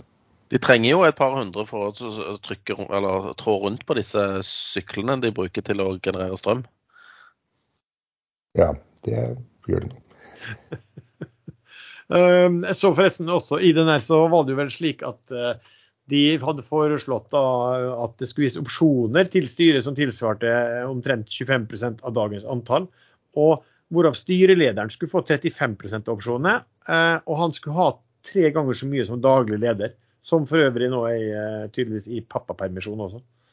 Så eh, eh, vil vi tro at hvis du var daglig leder og du så at styreleder skulle ha tre ganger så mye som deg sjøl, så hadde du kanskje reagert litt. Men Ja. Hva var innløsningskursen på de opsjonene?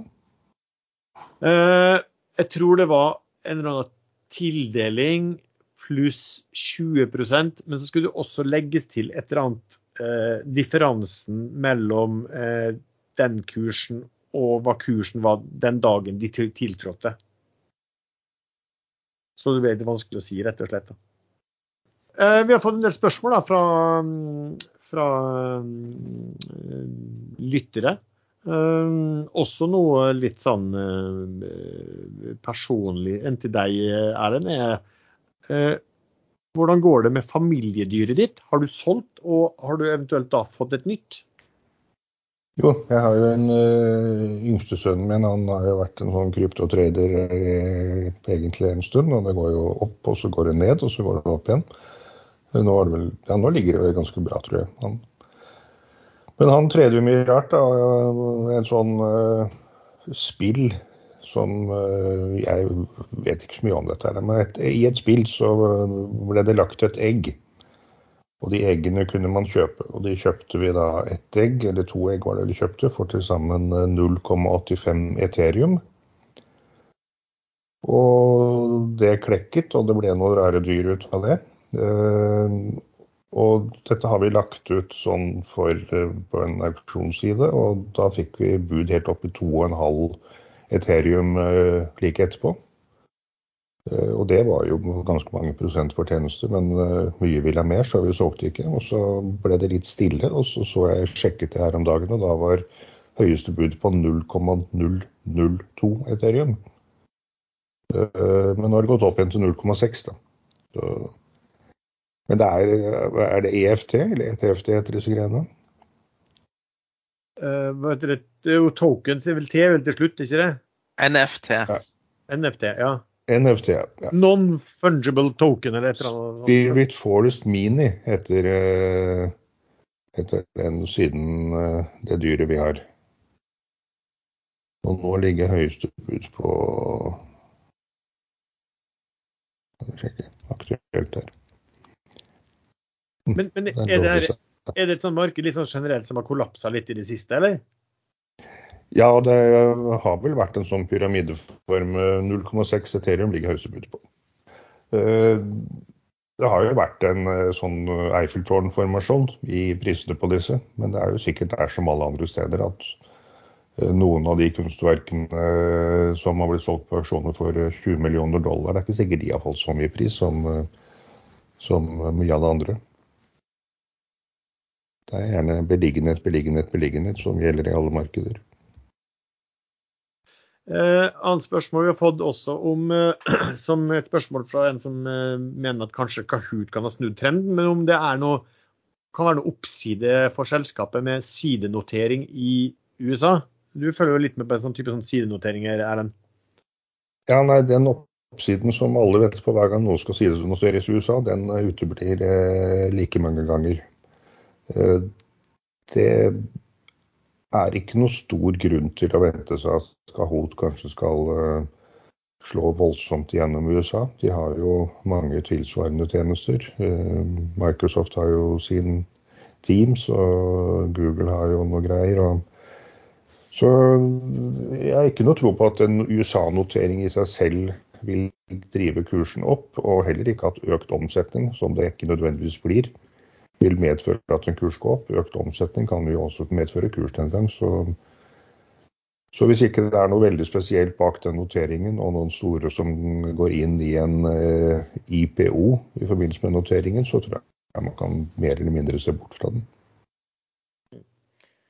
Uh, og så fikk vi et spørsmål som uh, inne fra Ekstrainvestor som jeg syns var, uh, var, godt og interessant å snakke om. Altså, det er jo disse auksjonene da, som du har på morgenen og, og på, på, ettermiddagen i alle børsnotert. Um, det postes mye kjøp og salg i auksjonene, uh, men som trekkes. Uh, er det kun for, for manipulasjon, og, og, blir ikke auksjonen ganske verdiløs når man egentlig er blind? altså Man vet ikke om disse, disse, som legges inn er reelt, før egentlig bare de siste sekundene før man, uh, auksjonen avsluttes. Eh, Sven, det har vel sikkert du noen synspunkter på? Tåpelig spørsmål. Eh, fordi at eh, alt handler jo om å lure andre i aksjemarkedet. Så nei da. fra spøk til revolver. Det handler veldig mye om å finne ut hvor mye volum som faktisk ligger hvor, og så, så slike ting. Og, og, da trekker du som oftest ordren, for du har ikke til hensikt å egentlig handle. Men eh, du skal bare sjekke hvor mye som er til salgs eller til, til kjøps, hvis du har aksjer å kunne legge på biddet. Men eh, jeg tror ikke Jeg vet at Oslo Børs eh, før eh, franskmennene dukka opp, eh, ikke syns dette var så veldig eh, sunt. Så jeg tror de har drevet og eh, advart meglerhus, som igjen har advart kunder mot å gjøre dette veldig ofte. Men jeg vet ikke hvordan disse franskmennene stiller seg til dette. Men det spørsmålet kom vel opp eh, et konkret eksempel hvor uh, kursen lå rundt uh, på 100-tallet, og det var noen som la en, en enorm kjøpsordre på 250 eller 350. Hvilken aksje snakker du om? Lars husker sikkert det. Ja, det var norsk, Spesielt ble det snakka om en som skjedde i Norsk, i norsk Hydro. Um, norsk Hydro var det. Og der ligger jo kursen på under 100, og det var vel 250 kroner det ble lagt inn en enorm kjøpsordre på. Men når var dette her? I går. Var det i går? Ja, det var noen få dager siden i hvert fall. Det, Ja, hvis det var, for, for, dag- hvis det var forrige fredag. Nei, det var denne uken. I går okay. forrige uke. Det, var på, var, det, var, en, det, var på ons, det var på onsdag. ok, for det var enorme eh, volum i eh, callen eh, forrige fredag. Jeg tror det var noen indeksendringer da. Så da, da får du ofte sånne ting. Men eh, og, og, og, og det kan se ut som kursen liksom skal være milevis fra der han eh, går til slutt. Eh, men det er fordi de, de, har, de har lagt sånne altså, markedsordre og ikke en limitordre. Da får du sånne utslag. Men, men det pleier på sånne dager å justere seg tilbake til noenlunde der som kursen var. Men ikke alltid. Jo, men her er det jo åpenbart en eller, annen, en eller annen type manipulering. Enten skal noen sjekke boka hva som ligger til saks oppover. Ja, ja, ja. Det, det kan godt være. Men sånn som Men forrige fredag, da, etter vi hadde spilt inn forrige episode, så skjedde det masse rart i f.eks. Uh, Veidekke. Uh, closa langt under der han var. Samme skjedde i eh, multi, Multiconsult. Der fikk jeg faktisk kjøpt nesten 2000 aksjer på 35, og han åpner liksom over 40 på mandagen igjen. Altså, de, Han ble kjørt ned såpass mye der at eh, pga. disse indeksendringene og store volumer som skulle ut. da. Eh, Men børsen har jo presisert at uh, ordre som legges inn skal være reelle.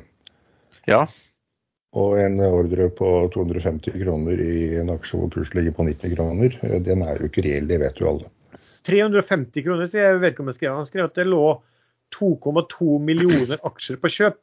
Altså, aksjer, altså at man ville kjøpe 2,2 millioner antall eh, Norsk Hydro på kjøp for 350. Eh, hvor, men den closa da på 92.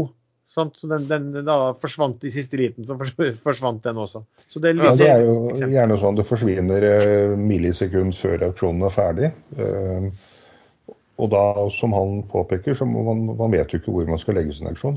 Man får ikke noe reelt bilde av auksjonen. Kan man ikke løse dette veldig enkelt, men det er ikke lov å endre eller slette ordre man har lagt inn i de siste fem minuttene i auksjonen.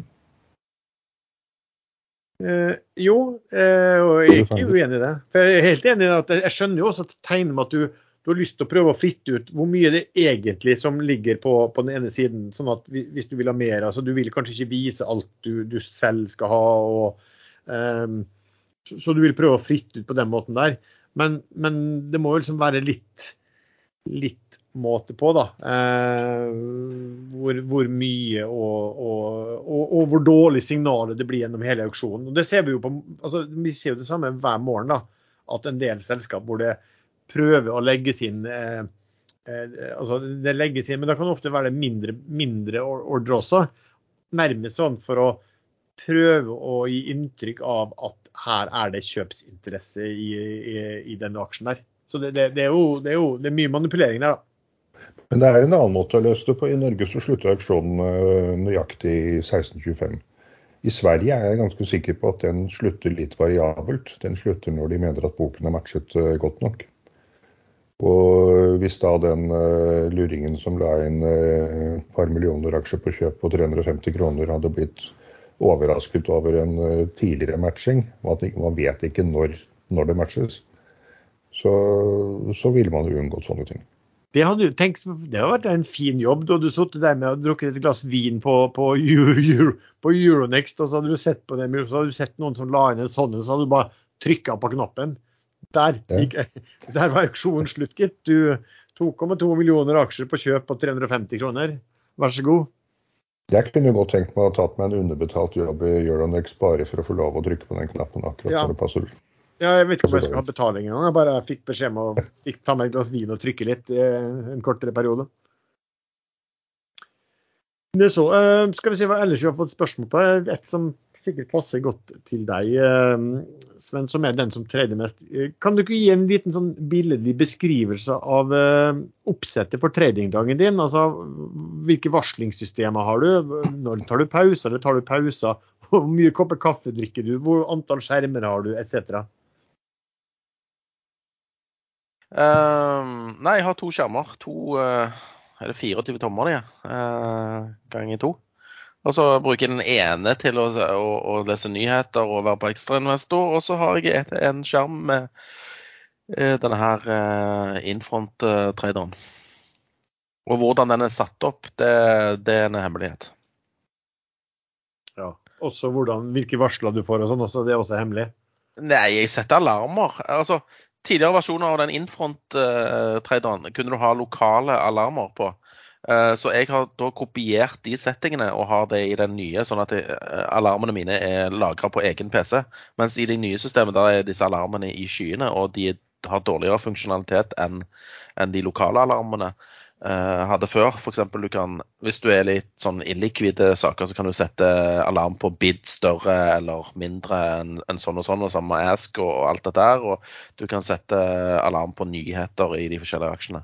Eh, Så det brukte jeg mye mer før enn nå. Jeg vet ikke helt hvorfor jeg ikke bruker det så mye nå. Men uh, eh, eh, jeg, jeg sitter og, og nistirrer på tikkerteipen. Jeg har en tickertape som går fra toppen av skjermen helt til bunnen av skjermen. Og der eh, med forskjellig fargekoding på eh, lavest, dagens laveste, dagens høyeste. Eh, F.eks. at eh, Ask ligger under siste omsatt og sånne ting. Så eh, ja. Det er veldig bra system, og jeg har brukt dette i 22 år. Jeg er veldig fornøyd med det. Men da, da er det du som går inn, og så velger du Eller har, for har du det samme da for alle aksjene, eller at, eh, at alle skal vise Ja, jeg, har, har tikket. Riktig. Du, du definerer sjøl. Det er en sånn der setup-sak du kan For hvert vindu du har åpent, så kan du liksom eh, modifisere eh, innstillinger. Og, og farger. Eh, I fjor så gikk jeg fra et lyst til et mørkt tema. Det var noe uvant en periode, men nå er jeg blitt veldig vant med det. Ja, OK. Så da Um, ungene kom inn en dag og så sa de, ja, det er sånn, det er sånn de proffe bruker. De har sikkert sett noen som har hatt en sånn eh, Bloomberg-terminal. da. De har sikkert trodd jeg hadde et helt annet dårlig system tidligere. Sånn er det. Um, så har fått et spørsmål om, um, om det er, hvilken strategi har du for å håndtere risiko i et volatilt marked? Ellen, har du noen spesiell strategi? Nei, jeg gjør som jeg alltid gjør. Jeg er stort sett eh, kort. Kjapt inn og kjapt ut. Uh, Også i aksjemarkedet? også i aksjemarkedet. uh, men jeg har jo, akkurat utenfor aksjemarkedet så var jeg ikke så flink på det med den utdelen. For det endte jo med seks unger her, så. Men uh, aksjer, ja. Nei, markedet, om det er opp eller ned, det spiller egentlig veldig liten rolle for min måte å trede på. Uh, en av grunnene til at jeg har eh, litt sånn long i scena nå, som er en uh, aksje man egentlig ikke kan advare nok mot, er at den er uh, veldig lavt priset i forhold til eh, sannsynlig inntekt allerede nå om eh, innen utgangen av april. Jeg har en følelse at det, salget av de 114 000 fatene kommer tidlig i april.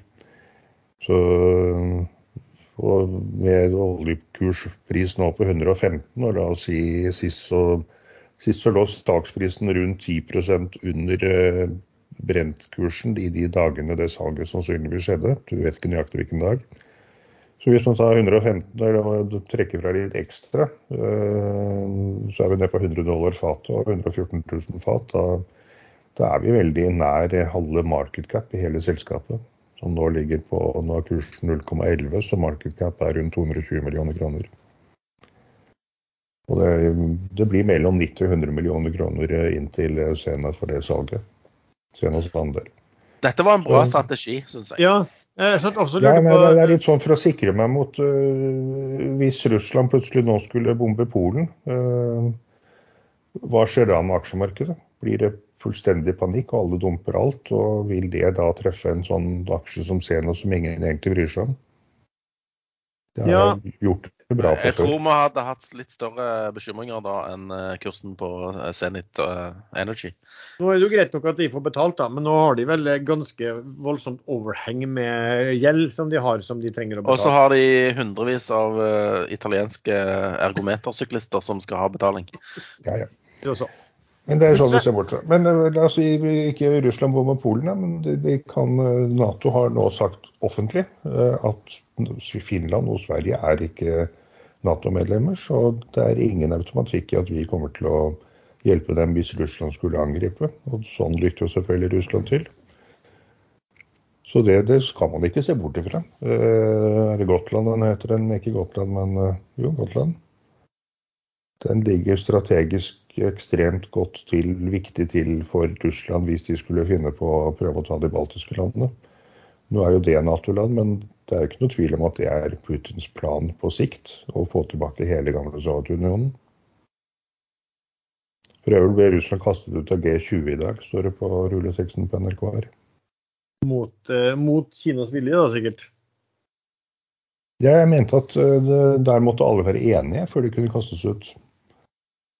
Kan bare nevne jeg ser der, altså, Apropos vi snakka om den siden eh, det er aksjer med lav likviditet og lav flyt som kan lett gjøres nå. Eh, Viking Supply Ship var jo oppe i 95 vel i dag. Eh, akkurat nå så er den i 81, for den ble dumpa ned 10% på ikke veldig mange minuttene. Så det var jo et, eh, et bra eksempel, det. Eh, men Sven, har du, har du noen sånn spesiell strategi for å håndtere risiko? Nei, jeg benytter meg av disse Bull og Bær-sertifikatene når det gjelder Oslo. Og så, som jeg nevnte tidligere, tar litt sånn eh, SQQQ eh, hvis jeg tror på nedgang i Nasdaq, og eh, til det SRTY hvis jeg tror på nedgang i Russell 2000-indeksen. Og blir vel alle Og, skuffet hvis jeg ikke sier at uh, du hedger bort gevinsten din. stemmer det. Den venter vi på. Det er liksom, Jeg prøver av og til å hedge litt, og så du sier nei, du, du, da, det, tuller du det til, liksom. At jeg taper alt. Jo, men det har jo med, ris det har jo med risiko å gjøre også. Det, du, man Ja, ja. Kan liksom ikke si at, altså, du kan ikke si alltid at en som har tjent 10% har gjort det mye dårligere enn en som har 15 eh, fordi, eh, fordi at han som har tjent 10% kan ha tatt så mye mindre risiko. Ikke sant? Etterpå så kan du selvfølgelig si det. Det kalles uh, risk adjusted uh, fortjeneste eller noe sånt. noe. Ja, altså, det er jo ikke så, fortjeneste. ja, Og da kan man faktisk tape penger i årevis, uh, men man tror selv i hodet sitt at man har tjent masse fordi man risikojustert, så har man gjort det veldig bra. Jeg gjør kanskje mindre enn Sven på det, men litt av det samme ved å kunne, kunne gå short i noen instrumenter. Håndtere risiko. Jeg har ikke noen strategi utenom at jeg, at jeg ser kanskje sånn som jeg snakket om i tidligere episoder, at jeg ser over min portefølje, og så ser jeg kanskje hva Gjør en vurdering om eh, risikoen om eh, hvor mye jeg eier i forhold til hvor mye det omsettes per dag. Eh, For det er ikke noe tvil om at veldig mye av det du ser av omsetning på børsen i dag, er litt sånn illusorisk. Altså det er, eh, det er algoritmer eh, som, som kanskje ikke har noen annen an, an, eh, rolle enn en å være algoritmer, og som plutselig kan forsvinne bort da, hvis det, hvis det skjer noe. Sånn at det du, der du trodde at du skulle komme deg greit ut, så har, viser det seg at det var ikke så veldig, eh, så veldig greit eh, likevel. Nei, men Du har jo altså- tidligere sagt at du, du hedger bort markedsrisiko med å liksom være long en f.eks. NRS og, og short movie. Movi. Ja, for, ikke sant? Det kan du f.eks. gjøre. Og, og har, gjort, har vel gjort sånn før også, i, i samme instrument også. Jeg vet ikke om jeg husker, så kunne man jo eh, gå eksempelvis så kunne man gå long, altså hvis, hvis du syns at forskjell mellom eh, aksjene, A-aksjene i Skipsted f.eks. Eh, og B-aksjene, altså hvis du syns kursforskjellen var for stor, så kunne du da f.eks. kjøpe eh, Skipsted B og shorte Skipsted A. Da sitter du egen, da satt du igjen altså ikke noe med det selskapsspesifikke, du har tatt bort all risikoen på. Det eneste det var, du hadde et spill på innbyrdes verdien mellom de to, ikke sant. Så det er jo sånn typisk. Du kan tenke deg også å ha noen, noen banker f.eks., hvor du kjøper den ene banken fordi du tror den er billigere enn andre banker, og så, så går du short de og de eh, eh, andre bankene. Skal vi se, så har vi fått spørsmål også om eh, toppsjefen i Bergen Carbon Solution skriver man, har, de har lagt ut en, eh, et kursmål, altså kopiert tekst da, fra et meglerhus, og lagt det ut som en kommentar på Twitter. Eh, synes, uh, synes vi det er greit? Hva tenker du, Sven? Jeg, tenk, jeg tenker at han burde fokusere på å drive butikken, og ikke på eh, hva meglerhus mener om butikken. Det mener jeg. Ikke du, Erlend? Nei, der er jeg ganske enig. Da Løkke var eh, på besøk hos oss i Hydrogenspesialen, da spurte jeg han om hva han mente om aksjekursen. Og da sa han at den ville han ikke uttale seg om, det fikk markedet bestemme. Og da han eh, trakk seg, så solgte han eh, først halvparten av aksjene, vel. Eh, det var kanskje det han har solgt. På en kurs som vel var langt lavere enn eh, det. Eh, Nei, det, det, det, er ikke, det, er ikke, en CEOs jobb, eller styreleders for så vidt i det hele tatt, å kommentere aksjekursen. De skal gjøre en god jobb. Ja, enig der. Og det blir litt det samme. Vi har jo sett enda mer at, at man har børsnotert eh, analyser, og børsnotert betalte analyser har man jo sett på det verste. altså de Analyser der du har betalt dem for å lage den, ikke sant? så har du børsmeldt det. Eh, så Nei, jeg så den, den, kommentaren her. Det sto vel heller ikke hvilke meglerhus som hadde kommet borte. Så folk som leste det, kunne jo nesten tro at det var hans eget uh, synspunkt, uh, kanskje. Um, så der bør man jo være litt uh, ja, Men tenk hvis det var hans eget synspunkt, da. Det er, det er litt sykt. Ja, skal vi se. Jeg fant vel fram den der. Skal vi se om jeg, hva han skrev. Nei, han skrev bare Han kobla på en han bare kommenterte en eller annen nyhet hvor det da øverst sto Bergen Carbon Solutions by TP NOK 120. Og så sto det om noe eh, option agreement ved Høyanger eh, kommune, bla, bla, bla. Så, eh, så noen spurte hvilket meglerhus er dette, men det, da stod, hadde han faktisk svart på at det var Fearnley, da. Så, men han måtte spørre om det da, for, for å finne ut at det var et meglerhus, og hvem det var. Eh, sånn er det. Et, eh, skal vi si, et lite spørsmål da vi kan få før vi tar eh, om vi har noen favorittbruken, er bare hva tror man om inkassoselskapene i inflasjonstider, Sven? Nei, vi har jo snakket om at ting blir dyrere og folk får dårligere råd. Når folk får dårligere råd, så kvier de seg nok for å betale høye regninger. Så da går nok uh, mer ting til inkasso, og de får mer å gjøre. Men det kan òg være at de taper mer penger fordi at folk har fått dårligere råd. Så er veldig vanskelig. Litt samme med bankene, egentlig. Bankene vil få bedre marginer, men de vil òg få høyere tap. Ja.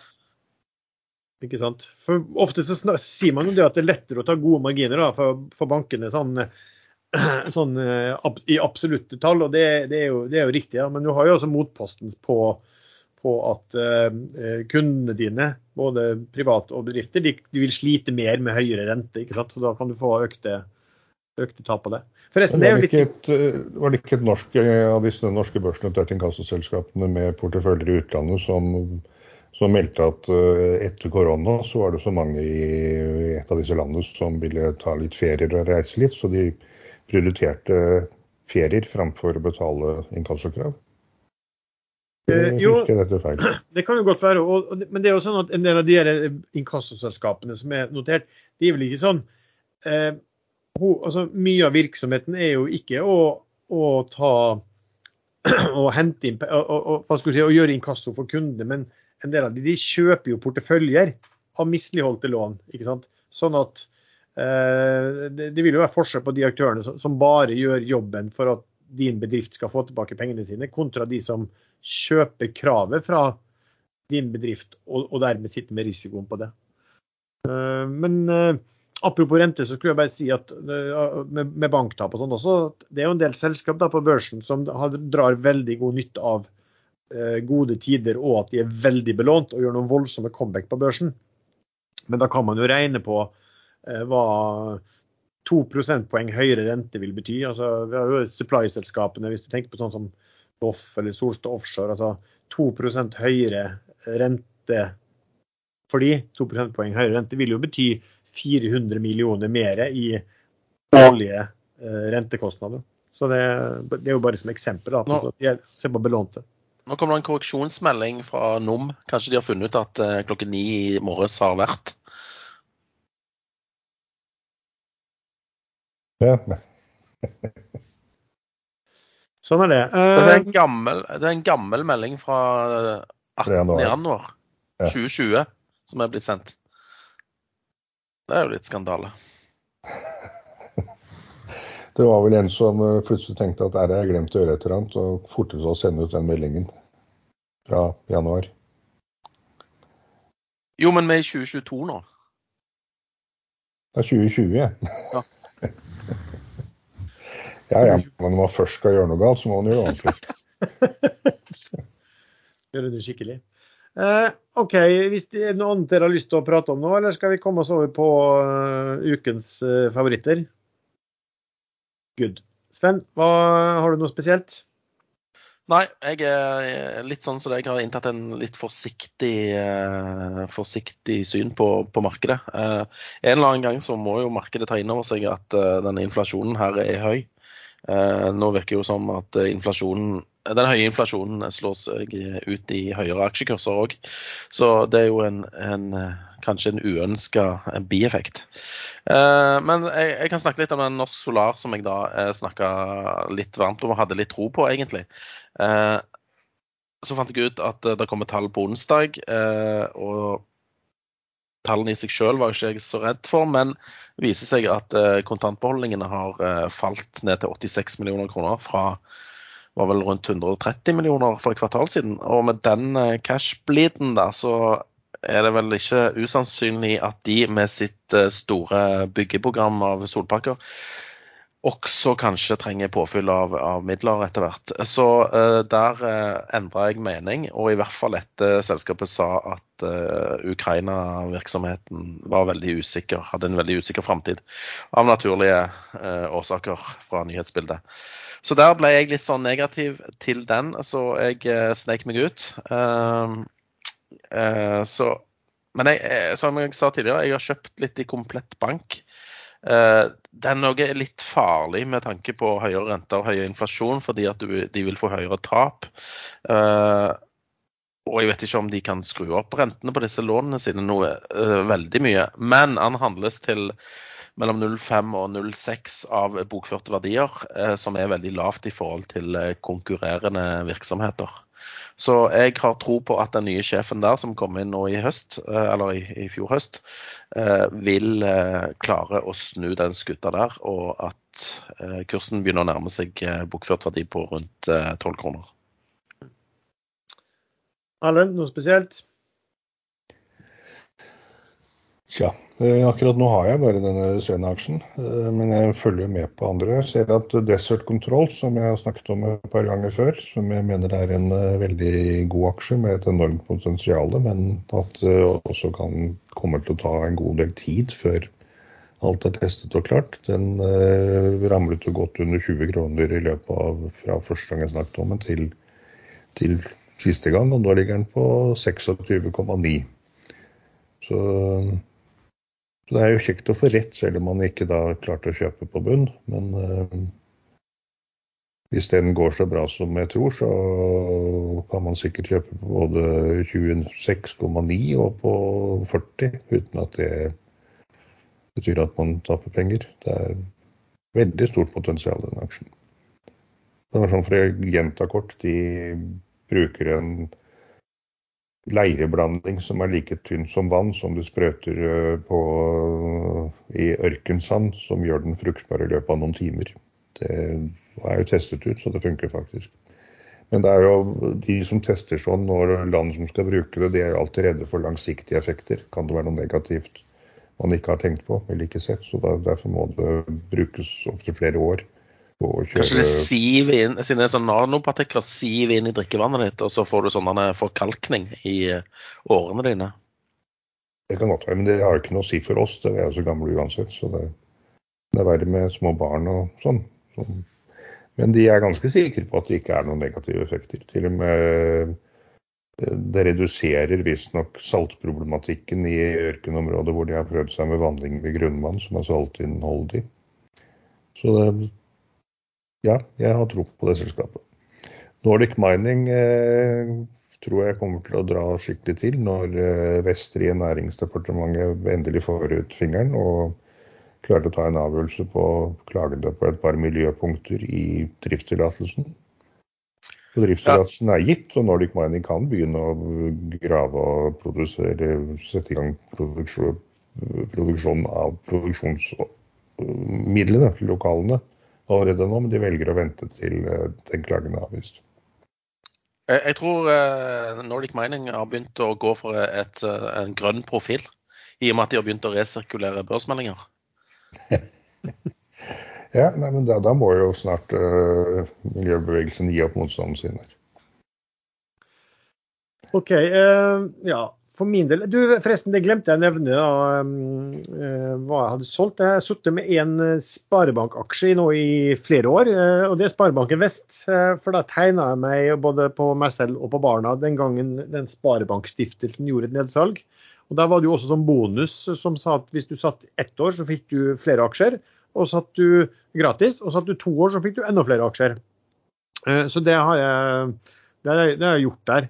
Eh, Men de solgte jeg nå for eh, faktisk eh, rett den dagen før den gikk X utbytte, så solgte jeg den. Så den, den, den ble jo veldig bra. og det, det er en sånn type en- Eneste som er lei den, er at egentlig at man ikke fikk mer tildeling den gangen når, når de gjorde det store nedsalget. Og så kan du, For reklamen så hadde de også eneste stedet hvor de gjorde videopresentasjon i forbindelse med det milliardnedsalget, var faktisk på Ekstrainvestor, så det var jo ekstra bra. Ehm, Så ser jeg også Jeg kan nevne Kester som faller i dag, eh, 6 for de faller på den nyheten. De får sånn velfortjent igjen. for at nå i regnskapet sitt, så, som ellers så bra ut på drift, der de tjener eh, fortsatt et par millioner canadiske kanadiske dollar i, i kvartalet, så, så uh, hadde de en stor oppskriving, og så hadde de en stor reversering av en nedskriving. Uh, og reverseringen av den nedskrivingen var jo da eh, på et, et, et oljefelt som nå produserer, og hvor de tjener veldig mye penger.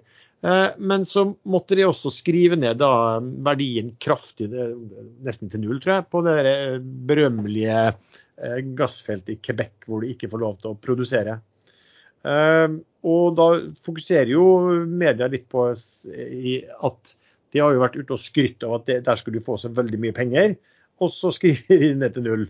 Eh, Så det er det me and my big mouth, ikke sant. Det er han CFO-en og han Binion der som, som blir møtt av den. Nå er det jo litt, litt, det er litt sånn regnskapsteknisk òg, fordi at hvis du, hvis du mister lisensen din og myndighetene eh, i hvert fall de har vel ikke beslutta, men foreslår at du skal eller foreslår at du skal miste og foreslår at du skal få lite igjen, så, så vil jo en revisor forlange at den skrives ned eh, til det. da. Så, og det er jo i og for seg greit å ha det i regnskapet også. Det der skal jo være en, en eh, opsjon eh, uansett. Tenkte jeg kunne nevne et selskap som egentlig ville kjøpe mye mer av, men det er så lite likviditet at jeg gidder ikke. Men, men, men det er altså noe som er svært billig. Eh, og det er GC Riber Shipping. eh, som jo egentlig har solgt seg ut omtrent av eh, det de hadde av eh, supply og eh, shipping sånn sett. Kursen der er vel nå på 8,5. De har ca. 7 kroner i nettcash. Eh, og så eier de eh, en andel av eh, seismikkselskapet som heter Sharewater. Tror de eier i underkant nå av 10 der. Eh, der solgte de halvparten sin i høst. Eh, og eh, tilsvarende eh, det de fikk for prisingen i høst, tilsvarer ca. 5 kroner per aksje nå også. Og jeg vil faktisk tro at et eh, seismikkselskap eh, er mer verdt eh, i, eh, med dagens eh, oljepris i februar 2022 enn hva den var i august 2021. Så der vil jeg tro at du har minst fem kroner per aksje eh, i Sharewater-aksjer. Og så har de noen båter som har, som har tuslet og gått på i, faktisk i russiske farvann, bl.a. sammen med Exxon-oppdrag. Um, som er verdt et par kroner per aksje. Det ser vel ut som de får de ut derfra, men de får ikke noe videre, tror ikke de får noen videre kontrakter derfra. Men der er det liksom øh, Når du har sju kroner i nettcash og over fem, minst over fem kroner tror jeg, i Sharewater-aksjer, så du betaler jo egentlig nesten ingenting for, øh, for øh, assetene da, hvis du trekker vekk nettcash der.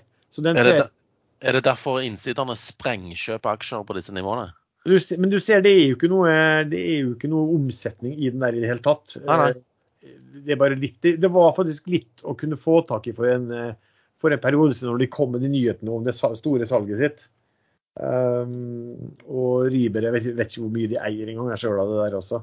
Uh, jeg, har ikke engang, jeg har ikke engang sett på hvor, hvor mye innsidekjøp uh, det var. Det har ikke vært det på det har ikke vært det på Det var en del, ser jeg, i eh, september og sånn også, men det var jo ja, på disse nivåene. Så, men den, den, ser, den, er, den er åpenbart da, veldig billig. Men Spørsmålet er jo alltid hva, hva kommer de til å gjøre med de pengene videre, og hvordan kommer de til å, til å uh, forvalte det.